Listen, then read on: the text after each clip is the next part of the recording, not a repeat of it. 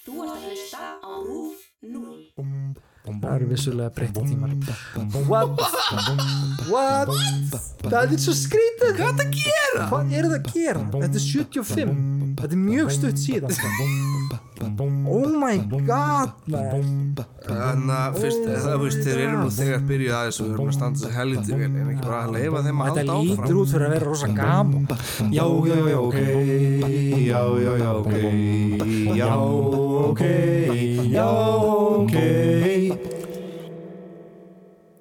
Þá erum við mættir áður uh, Velkomin að tækinu. Því lík svona þögn, þögn og svona Alltaf það mýtur rekk Já. og bara eitthvað svona Hver byrjar? hvernig eitthvað stöð stað, við erum stari augun á hvort öru bara eitthvað. Se, einhver að segja eitthvað einhver að segja eitthvað. Lís Björnins byrjar þú.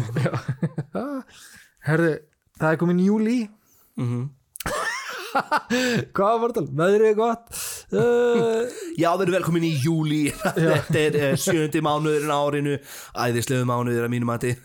Ég fór bara að pæla en að þú áttir ammálundaginn Mhm. og ég postaði veginn hér mynd á okkur þegar við vorum að útskrifast Já. úr SISPA það komið ár síðan að við útskrifumst já, Ég fekk svona gæsóð, ég sakna krakkana Já, ég sakna krakkana svo já, mikið. ég líka. Rétu mest. En hún líka er í Finnlandi. krökkunum já. Reta er að gera gott. Hún, já, hún er að gera gott. Já, Fyrir þá sem er að hlusta þá er Reta Becker sýstir okkar það veit allir hver Reta er. Mér finnst þess að það gerir það allir. Það fylgdist margir með hann á Snapchat þegar ég var svona aðeins aktífur þar á tímubili já, og líka á Instagram þegar ég var svona nýbyrjar að gramma hana bara mínu persónlega grammi. Fólk alltaf elskaði hennar karakter sko, hún var líka best í heimi. Já, Já, já líka bara Emil, já. Emil. Emil. Emil, Hann er náttúrulega búin að koma út úr skilinu sko síðan hann útskrifast. Já. Hún er svona meira og meira bara aktífur hér og það hann var bara, hann var bara að veislustýra eitthvað svona mons, monster truck eitthvað- Event í Danmarku það er hella cool. Ég sá hann bara eitthvað svona með eitthvað svona Mike a Monster Truck event. Ég er eitthvað, damn, vel gert Emil. Það Já, er gaman, þetta er gaman að sjá. Já. Hann var náttúrulega aldrei feimin á tímabili sko. Það er sko á bucket listanum mínum nei, það Allt, er bara Þetta er náttúrulega, þetta er eitthvað sem enginn segir við mann. Nei. Þegar maður fer í Erlendan skóla. Eitthvað svona, já.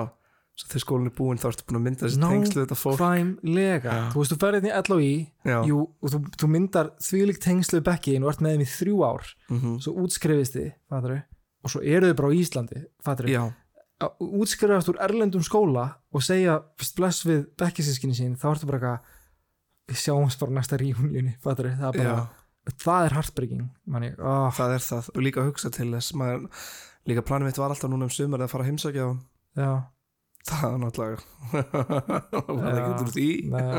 COVID. Ég fór líka að pæla sko, það voru rosalega margir sem fluttu til London Já, Og- ég fíla ekki hvernig London fyrir með listamenn stundum Nei. eða svona, með listamenn frá Evrópu sem er ekki breski sko. Nei, Mér finnst London getað vini mínu sem fara út í nám. Já, er það ekki? Þegar þeir eru búinir í skólan. Þeir ge- er flott að vera í skólanum. Já. en svo fólk sem ákveður að vera eftir í London eftir nám það er bara svona, heyrir eitthvað í þessum krakkum fattur nei. Ég líka veit ekki hvernig þeim gengur Nei. bekkisískunum okkar þannig úti. Það er eins og þau hverfi, Já, er það ekki? Jú.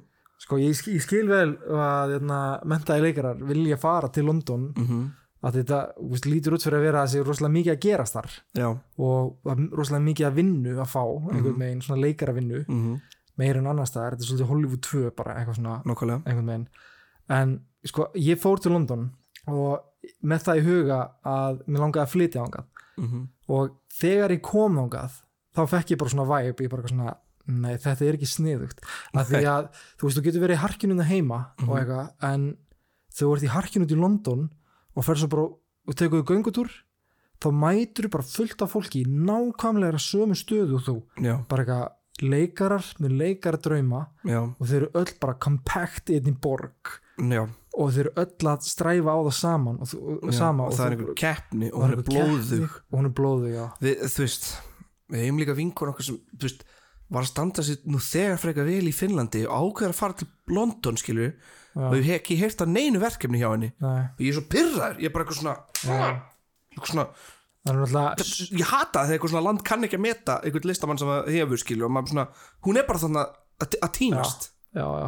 þetta er einmitt sko, veist, það eru náttúrulega sumir sem bara meika það einhvern veginn, Hera Já. til dæmis. Já, herrleikuna, hún er mjög stór þannig Já. að mínum að það algjörlega. Uh, hún er reyndar að leika í einhverju íslenskri kvikmynd núna. Ok, nice. Uh, sem er gaman, gott á það heimherra gott á það heimherra nei, en, en samt, þú veist þa- það er eins og að sé eitthvað svona kviksindi í London. Það er bara fólk bara svona bara hverfur. Og, og ég veit ekki, já, minnst þetta eitthvað spooky sko, það, ég veit ekki, það, er, það er líka bara miklu stittra upp á toppin hérna heima, sorry þetta sé þetta mm. heldur en að ætla að fara til London og fara upp á toppin þar. Þannig að ég myndi alltaf mæla með að byrja, hvar, hvar byrjar einmitt? hvar, það, það er meira að segja erfitt að fara upp á fyrsta steinin það skilur Já, hvað ætlar að gera? Þú til Squarespace heimasíðu og fara í myndatöku og, og og hvað?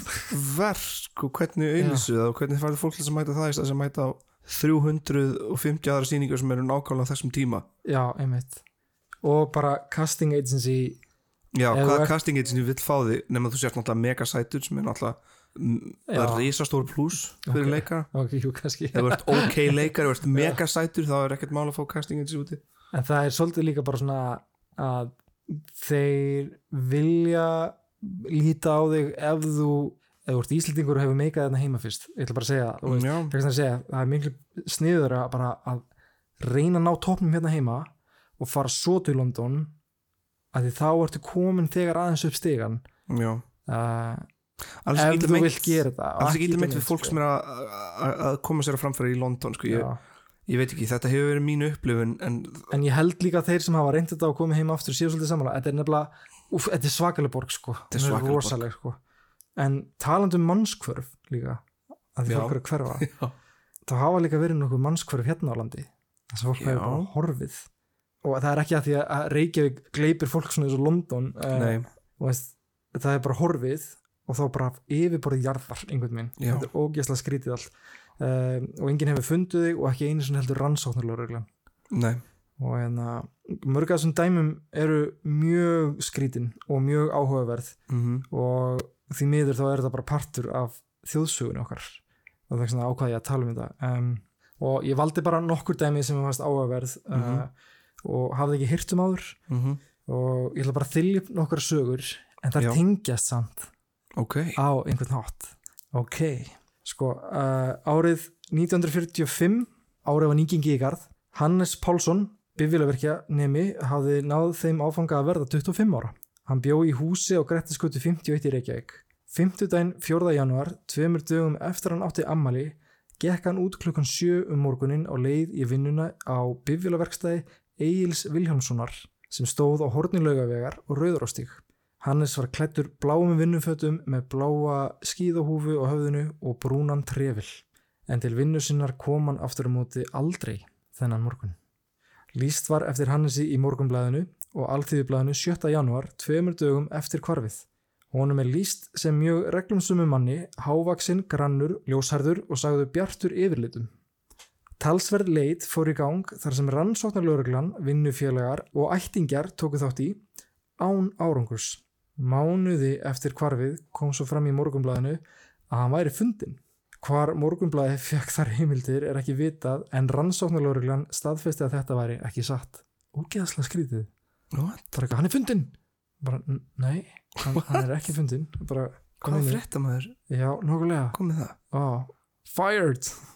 You're fired. eða kannski vissan eitthvað sem ætti ekki að vita da, da, da, da, da, ég veit það ekki sko. En eins og ég sagði í byrjun þá gerist þetta í ársins 1945 Mhm. eða í byrjun árs 1945 og þetta var í lok sittni heimstyrjaldarinnar og bandaríkjaherin var nýtekin af breytaher Ættingjar Hannesar hafa lungu haldið fram að hvarf hans tengist nefnilega viðveru hersins í Reykjavík. Hannes hafði nefnilega látið þau orð falla að það myndi örgulega koma sér í vandræði þar sem hann stýtti sér oft leiði yfir svæði sem voru vegum hersins uh, þegar hann gekk til vinnu. Þótti þeim því sennilegt að hermenn hafa skotið hann þennan morgun þegar hann hljóp yfir bannsvæði þeirra og líkinu komið fyrir einhverstaðar þar sem hann myndi ekki finnast. Hvort þessar sögursagnar séu sannar vitum við ekki en eitt er þó víst að Hannesi er enn saknað. Hvarf hans er þó ekki eina manns hvarsmálið sem spunni hefur utanum sér sögursagnir vegna hernaðbrölds á Íslandi. þetta væri mjög gott til þess að reyna að fá skjöl Já, og fá að vita hvað gerðist mm, því þetta er, það getur ekki verið annað nei, þetta er spooky.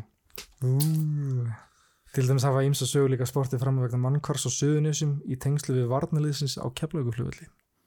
En ég skal koma aðeins betur að því. Ok. Eftir. 13. oktober 1930.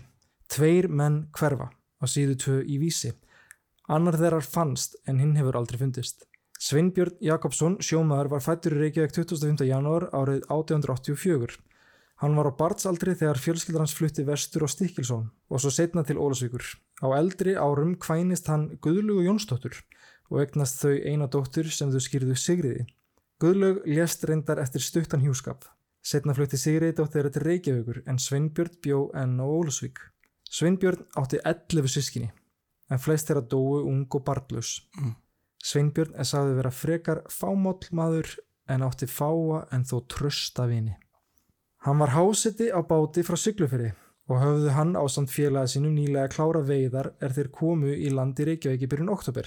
Eftir að Sveinbjörn fekk launin sinn greitt hjælt hann leið til Sigriðar dóttur sinnar sem var þá búsett á mistraföllum á samt eigimanni sínum hjælta einar sinni. Planið var að dvelja hjá henni í nokkra daga eða til föstu dags 10. oktober þar til hann færi aftur heim til Ólasvíkur með strandferðaskipinu Esja. Þar sem ekki var komið oft til Reykjavíkur út af samgöngum forþiðarinnar var ferðin nýtt og alls konar verslað sem ekki fegst hjá kaupmanni í Ólasvík og svo auðvitað hitta vini og ættingja. 15. daginn 9. oktober fór Sveinbjörn fótgangandi að húsinu í Sauðagerði til að heimsækja Jósefínu Egilsdóttur sem bjóð þar.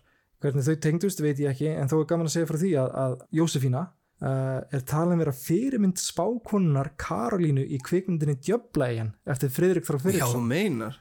Og byggði það samlendu bókum uh, Einar Kárassonar mm Já, pældi því. Það er brjálað. Uh, Eftir að hafa dvalið stutt hjá henni var leigubíl pantaður og var þá maður að nafni Skúli Eggertsson sem óg þeirri bifrið Skúli óg Sveinbjörni á laugaveg 33 en þegar þangað var komið var Sveinbjörn ekki með pening til að borga fyrir farið sem á þeim tíma kostaði um þrjár krónur. Bað Sveinbjörn þá skúla að aka sér aftur á söðagerið svo hann geti sótt pening. Þegar þangað var komið yfirgaf Sveinbjörn bílinn og sagðist alltaf skjótast inn til að sækja pening og hann erði engastund. Skúli hafði þá beðið í nokkur tíma þegar það kemur maður fótgangandi eftir götunni. Það var þá hann, hann uh, Haldur Sigursson, eigimaður Jósefínu í söðagerið. Fóru þeir að tala saman og sagði skúli honum að hann hefði beðið eftir að Sveinbjörn kæmi aftur út og að hann væri orðin talsvert óþregi fullur. Fer þá Haldur inn að aðtuga að honum en kemur þá aftur út með þær fréttir að Sveinbjörn hafi ekki komið inn síðan hann yfirgaf söðagerði í fyrra skipti.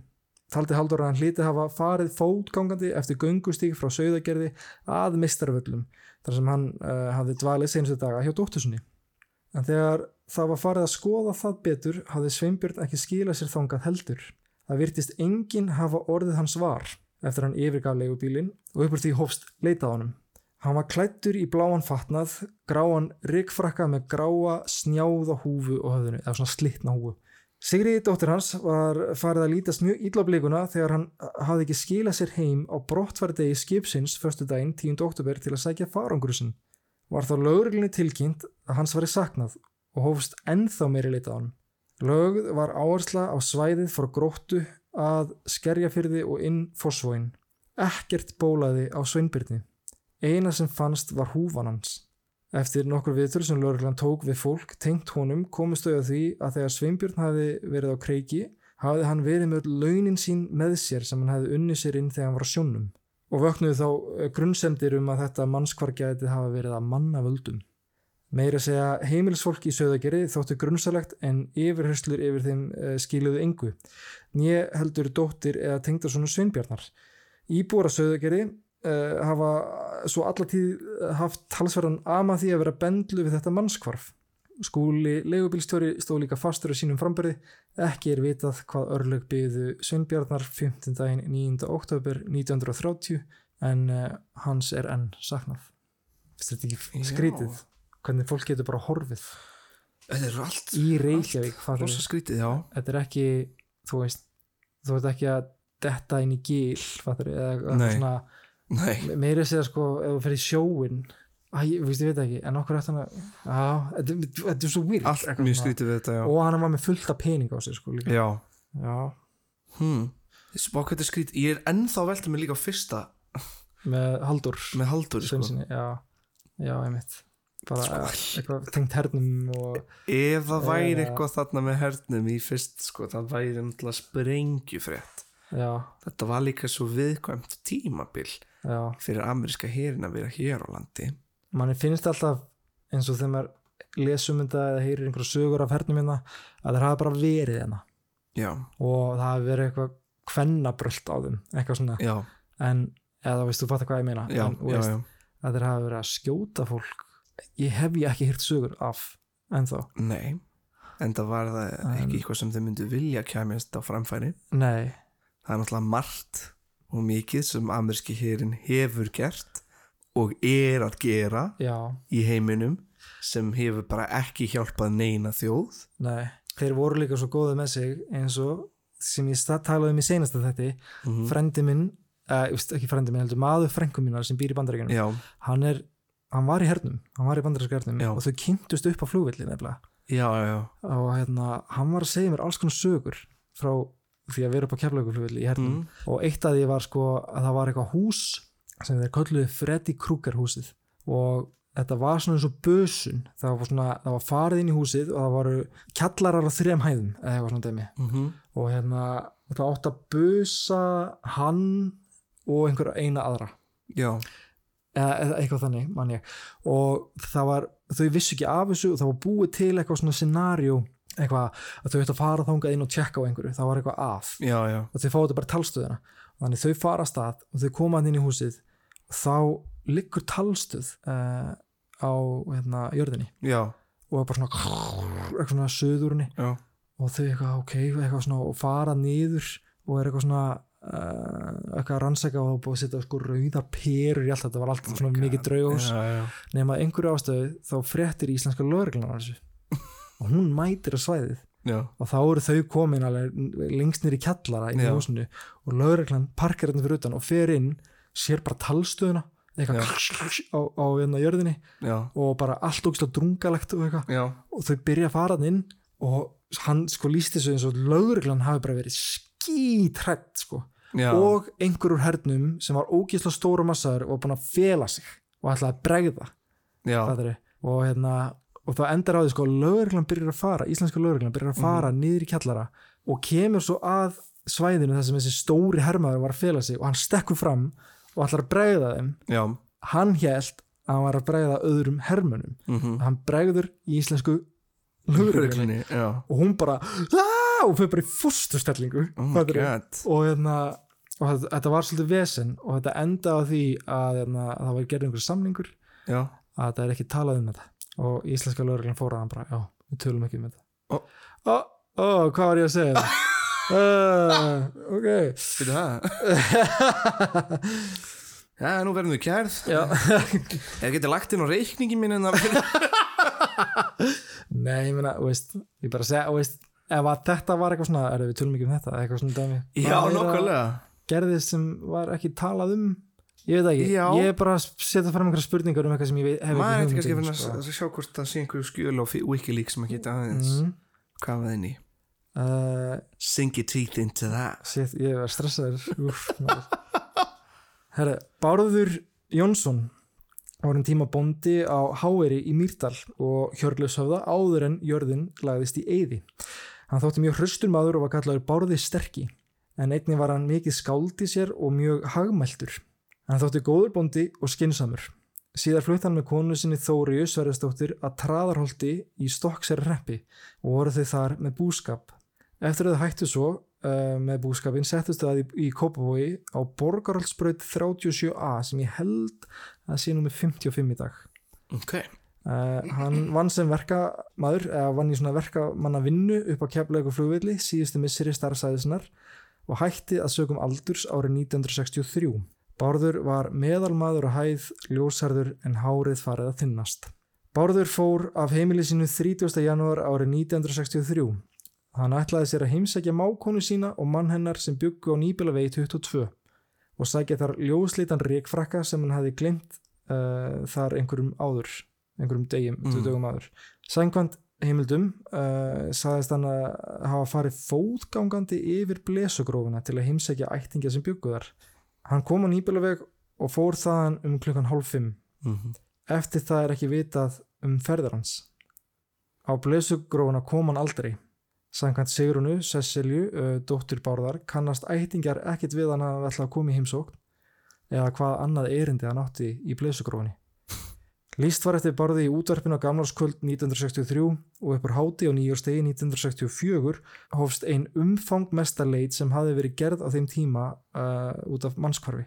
Já, Leitað var um allt þéttbíli sem kom til greina.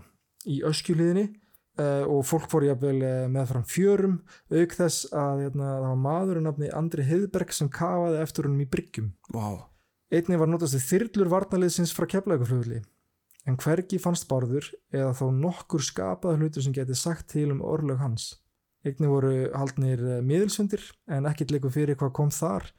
En í dag er held ég ennþá þegar ef að fólk hverfi þá eru haldnir miðilsundir uh, að því það má bara ekki útloka Já, og veist, það er bara svona það, veist, björgunarsveitir og hundar og alls konar að leita en, en Æ, þetta er bara til því ég gerði súran svipi Já. svona, mm, já, já, en það bara má ekki útloka neitt Nei, nokkvæmlega um, skipulari lit að borði var hægt 4. janúar og hann tali látin. Þrátt fyrir það hélt þó einn áfram að leita á honum en það var maður sem uh, ungur drengur hafði unni hjá Þóri og borði þegar þau stunduðu búskap í Mýrdal. En því miður þá fann hann ekki neitt heldur mm Ekki virðist hafa farið fram neinn lögreglu rannsókn að hvarfi borðar. Þótt málið sé ákvæmlega dulafullt og að sögn Sigruna dóttir þeirra hafði lögreglan ekkit sérstaklega mikinn áhuga á að fylgja málunni eftir.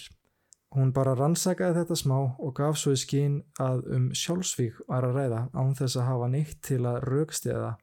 Hún til dæmis fekk fullt af nýlegu myndum af honum til að byrta en byrti svo ekki neina af þeim.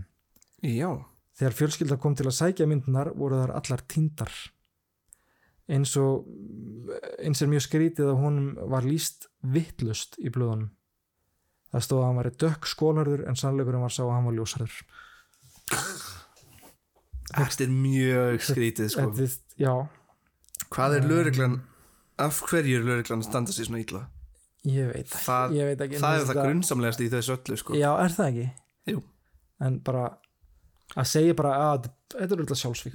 Bara eitthvað svona, Eftir að hafa líst manni rámt í blöðum og tínt öllu myndunum og svona en líka bara ef einhver fremur sjálfsvík það er alltaf auðvöldra að finna hann. Það, það, það, það væri líka eitthvað, þú veist. já mann Það sem eitthvað. sjálfsvík getur ekki þú veist, grafa hólu dreipa sig og, og grafið yfir og sig grafa yfir sig já, og það var leitað að hann í bryggjum Já, sem er einu staðin sem getur horfið já. Sko, ok, það er fyrir ólíklegt að lík finnist mörgum árum setna og ef svo, þá er það fyrir algjöru hefni en í byrjun júli 1975 voru nokkuð börn og leik við Faxaskjóli í Reykjavík. Faxaskjóli er svona bógagata með fram sjónum við endan á ægisíðinni Já, já, Þau voru að leika sér að byggja kofa. Þau tóku sér skóplur í hönd og höfðu skrafa fyrir undurstöðum svo hjallurinn fik ekki nú um koll í næsta stormi. mm Þau höfðu ekki grafi lengi þegar þau komu niður að beini. Heldu þau um dýrabein var að ræða en þegar meira var að fara að grafa sást í endanum að beininu var sokkur. Var þá nokkuð ljóst um að mannabein var að ræða. Lóriðan var köllu til en af einhverju skrýtnir ástæður stóðum bara í dálítið fjarlæða meðan hún horfði á börnin grafa meira. Það eru vissulega breytti tímar. What? What? Það er svo skrítið. Hvað er það að gera? Hvað er það að gera? Þetta er 75. Þetta er mjög stutt síðan.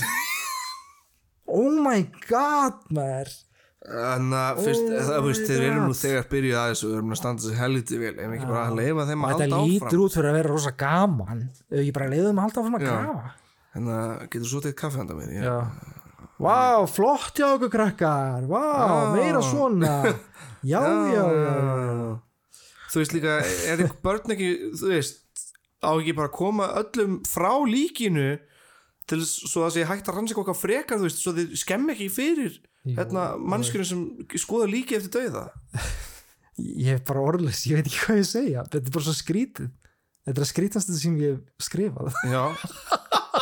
Og þetta er satt og þetta er satt sko uh, en allavega uh, fleiri kom í ljós en bara beinin uh, sem virtu stisjuð upp við vegg og það var veggur skotgrafa úr sittni heimstyröldinni sem notað var til æfinga hjá hernum Tvær 45 kalibera byssukúlur og breskri skambissu fundust einnig. Sem á tölur af klæðinæði þess sem beinin höfðu tilhýrt. Það fannst einnig uh, sokkurinn uh, var úr krepefni og svo fannst einnig tóbakspípa. Uppur þessu hófst mikil rannsók til að reyna að svara þeirri spurningu hver uh, ætti þessa beinagrind uh, því það var frekar greinlegt að þetta hafi ekki verið einhver fortsögulegu vikingur Nei, Nei. að leiði ekki lungu þangað til að það var talið að þetta gæti verið beinin af líki Sveinbjarnar sem ég talaði um aðan mm en dóttir hans þvertók fyrir það því Sveinbjörn hafði verið með allar sína tennur falskar ólíkt beinagrindinni sem var með flestar tennur heilar. Mhm. aldrei hefur komið í ljós hvað raunverulega kom fyrir Sveinbjörn. Ekki heldur vita hvaða menn þetta voru í skotgröfin í Faxaskjóli en eitt er þó frekar líklegt að hvarf þeirra allra hafi verið að mannavöldum og veriðist lögreglan hafa verið á sama máli þegar rannsóknir stóðu sem hæðist en það er nefnum máli hvaða menn voru þetta í skotgröfinni? Höfukúpa sem fannst var í fjórum pörtum og virtist líka að flestöld bein sem tilhæra beinagrindinni væru þarna í skotgröfinni. Í neðri kjálka var ágalli sem gæti hafa orsakað áberandi skakkan munnsvip. Eins sást á handlegnum að brot hafi gróið skakt einhver tíman á lífsliðinni. Þá töldu þeir sem rannsökuðu beinin að þau væru af karlmanni á aldrinum 40-50 ára og hann hafi verið um 170-175 cm á hæð. Beinin voru sendt til rannsóknar í Háskóla Íslands og upphófst í kjölfærið aðtögun á mannskvörum frá þeim tíma. Skotgröfin var einhvers konar steinsteift grifja eða grunnur sem hafi verið mókað yfir. Líklegt er að grifin hafi verið reist á árun 1940 til 1945 og verið nýttur af erlendum hermunum í Reykjavík til skotæfinga. Grifin stóð svo tóm að mestu eftir að stríðinu lauk en hann upp á 1950 var hafist við handa að fyllana mold og öðrum jarðefnum sem tilfjallu á höfuborgarsvæðinu. Mhm. Í ljósi þess að byssuklunar áðurnemdi fundust við beinin á líkinu töldu margir að hugsanlega geti verið um morð að ræða. Já, Þetta er svolítið spooky að lesa þetta að þetta er satt allt. Og ég fæ alveg nettan kvíða. já, ég er líka bara, þögull. Ég segi, ég get ekki sagt þetta í rauninni. Ættingjar Bárðar Jónssonar sem ég talaði um hérna áðan sem hvarfi í loka árs 1963 í Kópói eh, vildi að gerðir aðtögun á því hvort að, að um eh, bein hans var um að ræða en fengu þau svör að sennilega væri bara um breskan eða bandariskan hermann að ræða og var það með því slegið niður þar sem að, veist, að dóttir Sveinbjörn var búin að útskurða að þetta uh, geti mögulega ekki verið Sveinbjörn því að hann er með falska tennur en líki var með flest allar sína tennur heilar og beindist á grunurinn að þetta geti mögulega verið kannski líka Hannes Pálsson sem ég talaði um fyrst alveg hérna. Já, Lörglun var fljót að skjóta það niður líka því henni fannst það ekki trúlegt með að við þann tíma sem hann hvarf. Þrátt fyrir vísbendingar að hvarf hans tengdist hernum. En það verður að segja að möguleikin er sterkur. Auk þess að mynd af Hannesi þá er greinlegt á andlutinu á honum að þessi ágalli í kjálkanum á beinagrindinni hefði passað. Já, ok, got real dark bara. já, ok, gæti líka Real Investigative Journalism allt í. Fuck man, Já, fuck off Það er að vera að halda þessu leyndu fyrir fólki. En það hljóta að vera til skjöl. Það er bara hljóta að vera Það til skjöl um meikar þetta. engan sens að það sé ekki búið Mér finnst það svo heimskulegt og það er líka verið bara tveir gaurar enna þannig að mér finnst það svo ég segja eitthvað últra heimst Tveir þunnir gaurar. Tveir þunni gaurar, mér finnst það sem að segja eitthvað últra heimst þarna að því að að því að þetta er svo auðvitað að leggja 2-2 og það er ekki að tala um þetta. Já, og lauruglan er ekki að gera neitt, sorry. Mm, já Sko líka bara með við bara öll þessi mannskvörf sem hafa verið á Íslandi ef maður les um þetta þá er maður bara eitthvað svona hvað er það að pæla? Eins og það var eitthvað kona sem hvarf og fór einhver að leita að henni og fór til lögreglun og lögreglun bara svona já, ertu búin að teka á ruslahaugunum? Og hún eitthvað? Á hverju? að bara fólk fer oftast þangað til að fremja sjálfsvík og hún eitthvað uh, ok, eitthvað vil ég koma með? og eitthvað, að, fóru með henni bara ruslega fannst ekki neitt, hún bara, hann er ekkert innan eða hún er ekkert innan Já, Á, ertu búin að tekja í kofan að það? Nei, að tjökkaði kofan? Opnaði eitthvað kofa. Það er ekkert einna er eitthvað, þá veit ég ekki hvað við höfum að gera.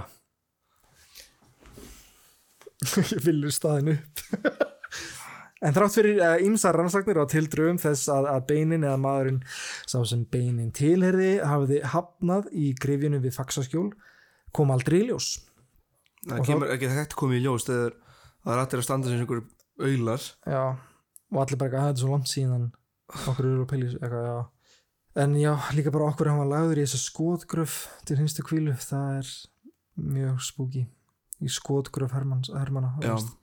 Uh, annað normál sem geti tengst svona hernaðbröld á Íslandi ég ætla ekki að fara mikið í það en það er hið viðfraga mál Guðmundur og Geirfinnsmálið Já, það var aðalega Geirfinnsmálið uh, en hann bjó náttúrulega í nágrinni við herin í Keflæk já, uh, ég, veist, ég veit ekki ég er kannski að tengja einhverja punkta sem ég á ekki vera að tengja en, en það eru rosalega mörg mannskvörf í kringum hernám á Íslandi. Og það, það tíma já, já.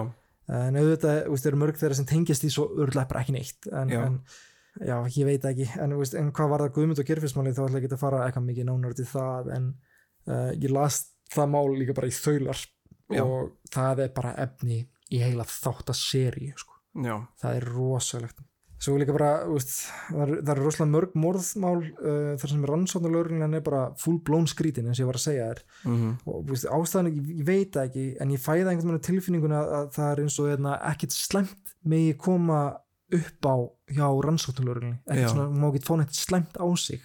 Þetta er líka eins og að sé eitthvað svona samvinna hvað var það aftur hernámið skilur þetta sé eitthvað svona, þeir sé búin að ákveða bara eitthvað svona, sé einhver bein samtöl milli laurugluna og herin já, og að mér líður svo skringilega og þetta er svo mikið eitthvað svona, þú veist, vangaveltur. Já, þetta er, það- ég, bara, þetta eru vangaveltur þannig að bara svo fólk viti en Já. þetta er bara svo skrítið að það ég er ekki að sé segja að, að öll þessi mannskvörsmál séu pottið tengd hernaðarbröldi, fattar en þetta er, ég er bara spekulera sko. Já. Já, þetta er bara sögusagnir. Þetta er náttúrulega mjög skrítið. Við erum náttúrulega fyrst og fremst svona sögupodcast. Já, en það er verðt að hugsa út í þetta. lendi vesinu sko. Við erum ekki, að fara að lenda í ykkur vesinni þú veist, þetta er bara, við erum bara að tala um ykkur svona fact sem líka bara eru skrítin. Já, líka ef lögreglunir eru pyrru út í okkur það er bara okkur pyrru út í okkur fyrst að þetta er svona einfalt? Fyrst að það er svona einfalt að segja bara eitthvað svona veist, það verður líka fólk verður líka að díla við mistökin sín þegar það týnir ljósmyndum og sinnir ekki hennar rannsókn nákvæmlega. Og þú veist, það er náttúrulega og ég skal alveg byrja virðingu fyrir því að það er mjög erfitt með fjölmiðla bara á herðum sér eitthvað að þú ert að rannsaka mál. Já. En come on. Kannski ekki, fá líka, kannski ekki fá líka stasi til þess að yfirheyra, heyra, yfirheyra fólk. Já, eins og var gert í Guðmundar og Geirfinnsmálið oftast er það þannig að eh, eftir 23 ár eftir að manneski hverfur er hún talin látin. Stundum líða mánuðir líka þannig til að viðkomandi einstaklingar finnast líka. Mm, og þá eru þeir oftast því miður látnir. já, uh, það er þó eitt mjög furðulegt dæmi uh, sem ég langar að segja ykkur frá. Já, og það er þegar hann Haldur Heimir Íslefsson kvarf sporlaust í bandaríkunum árið 1988 mikið leit hafði staðið yfir en ekkert fannst og ekkert síndi á að hann væri á meðal lifinda og var hann því úrskurðaður látin fjölskyldan hans hér á Íslandi var í mikil sorg. 12 árum setna eða árið 2000 fekk sýstir hans símringu og var það heldur betur óvænt og óvenjulegt símtal en þá var það hann Haldur sjálfur að ringi sýstu sína og var að leitast eftir aðstofið að komast heim. Þetta mál vakti mikla aðtekli í fréttum, enda ekki skrítið, en þrátt fyrir tilraunir fjölmiðla að reyna að komast að því hvar hann var uh, eða hvar hann hefði verið öll þessu 12 ár, uh, þá hefur Haldur aldrei gefið kost á að veita þær upplýsingar á ofinbjörluðum vettfangi. Það má segja að hvarf hans sé eh, og endurkoma sé svona einstæmi í þessum málaflokki sem íslensk mannkvörf eru. Er þá Haldur Heimir komin aftur heim eða hvað? Hann er komin heim, ok, hann var á lífi, hann var, hann var týndur í 12 ár og hann vill ekki segja hvað hann hefði verið. ég er að fá gæsa sko, þetta er bara svona úkislega Ógislega skrítið. Sko ég, ég er ekki, hroll, sko. já, sko allar heimildir sem ég fekk uh, eru, eru bara úr bókinni hérna Saknað, Íslensk mannkvörf.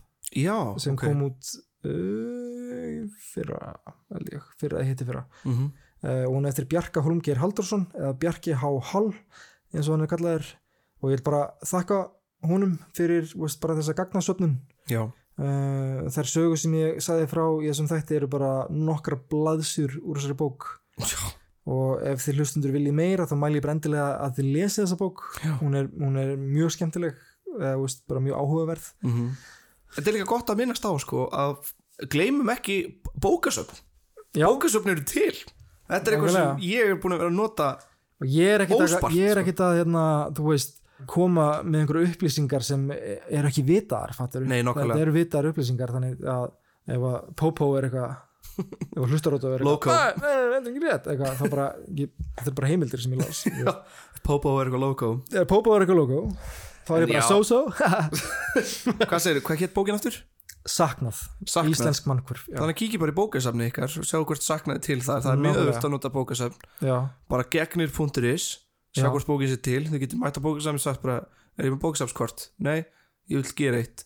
Kostar ekki neitt, Mm. mjög ódýrt getur leikt ég vil myndir gera eitt, hvað viltu gera? ég vil þá með bókasatskort það er ógslag ódýrt. Já, þú getur leikt bara hvaða bók sem þú vilt lesa. Aha, þú getur líka svort forrið sem heitir Libby já, sem er tengt bókasafniðinu og gefur bara fríar audiobækur til þess að hlusta á hei, sem fólk veit ekki af. Hei það er ekkert málulega DFD myndir hana já, og flest bókasafnið farin að bjóða upp á borðspil í leigu Ui. í upp að tvær vikur. Og ef þið viljið taka upp podcast þá getið þið farið í svona lítið borgarbókasafnið í grófinni. Já, einmitt. Tekið upp þar í stúdíónu og hljóðaningur með bókum. Já. Já, þannig að þetta er ég mæli mikið með að fólk fari í bók, Já. eða bókasafnið sitt og all the cool kids are doing it. Oh my god. Ég var múin að skemma þetta. Uh, ok, fjölnir boomer uh, en já, takk fyrir þetta. þetta var rosa já, Já. þetta var bara skeri sko, ég held að sé rosalega erfitt fyrir fólk eins og eins og hún hérna, Guðni sem var konans já, Geirfinns já, að þurfa endalust að lifa minningarnar aftur og aftur og aftur að því fólk er alltaf að svona þetta mál aftur og aftur, og aftur uh, þannig ég skil, ég skil það vel en, en það er líka bara mikilvægt að fólk fái rétt málagjöld maklega málagjöld. maklega málagjöld, já, einmitt. Að það sem gerir mig svo reyðan er bara að það er, það er mannskvörf mögulega af mannavöldum og fólk komast upp með það Já. á þessu litla landi skulum reyna já, þetta er vart þetta er gott til þess að hugsa út í takk Vá, fyrir mig, já, takk fyrir mig við skulum fara nú aðeins og ég ætla að pípa mig niður já, fyrir maður fáum okkur fyrst lott bye Já, já, já, ok Já, já, já, ok Já, ok Já, ok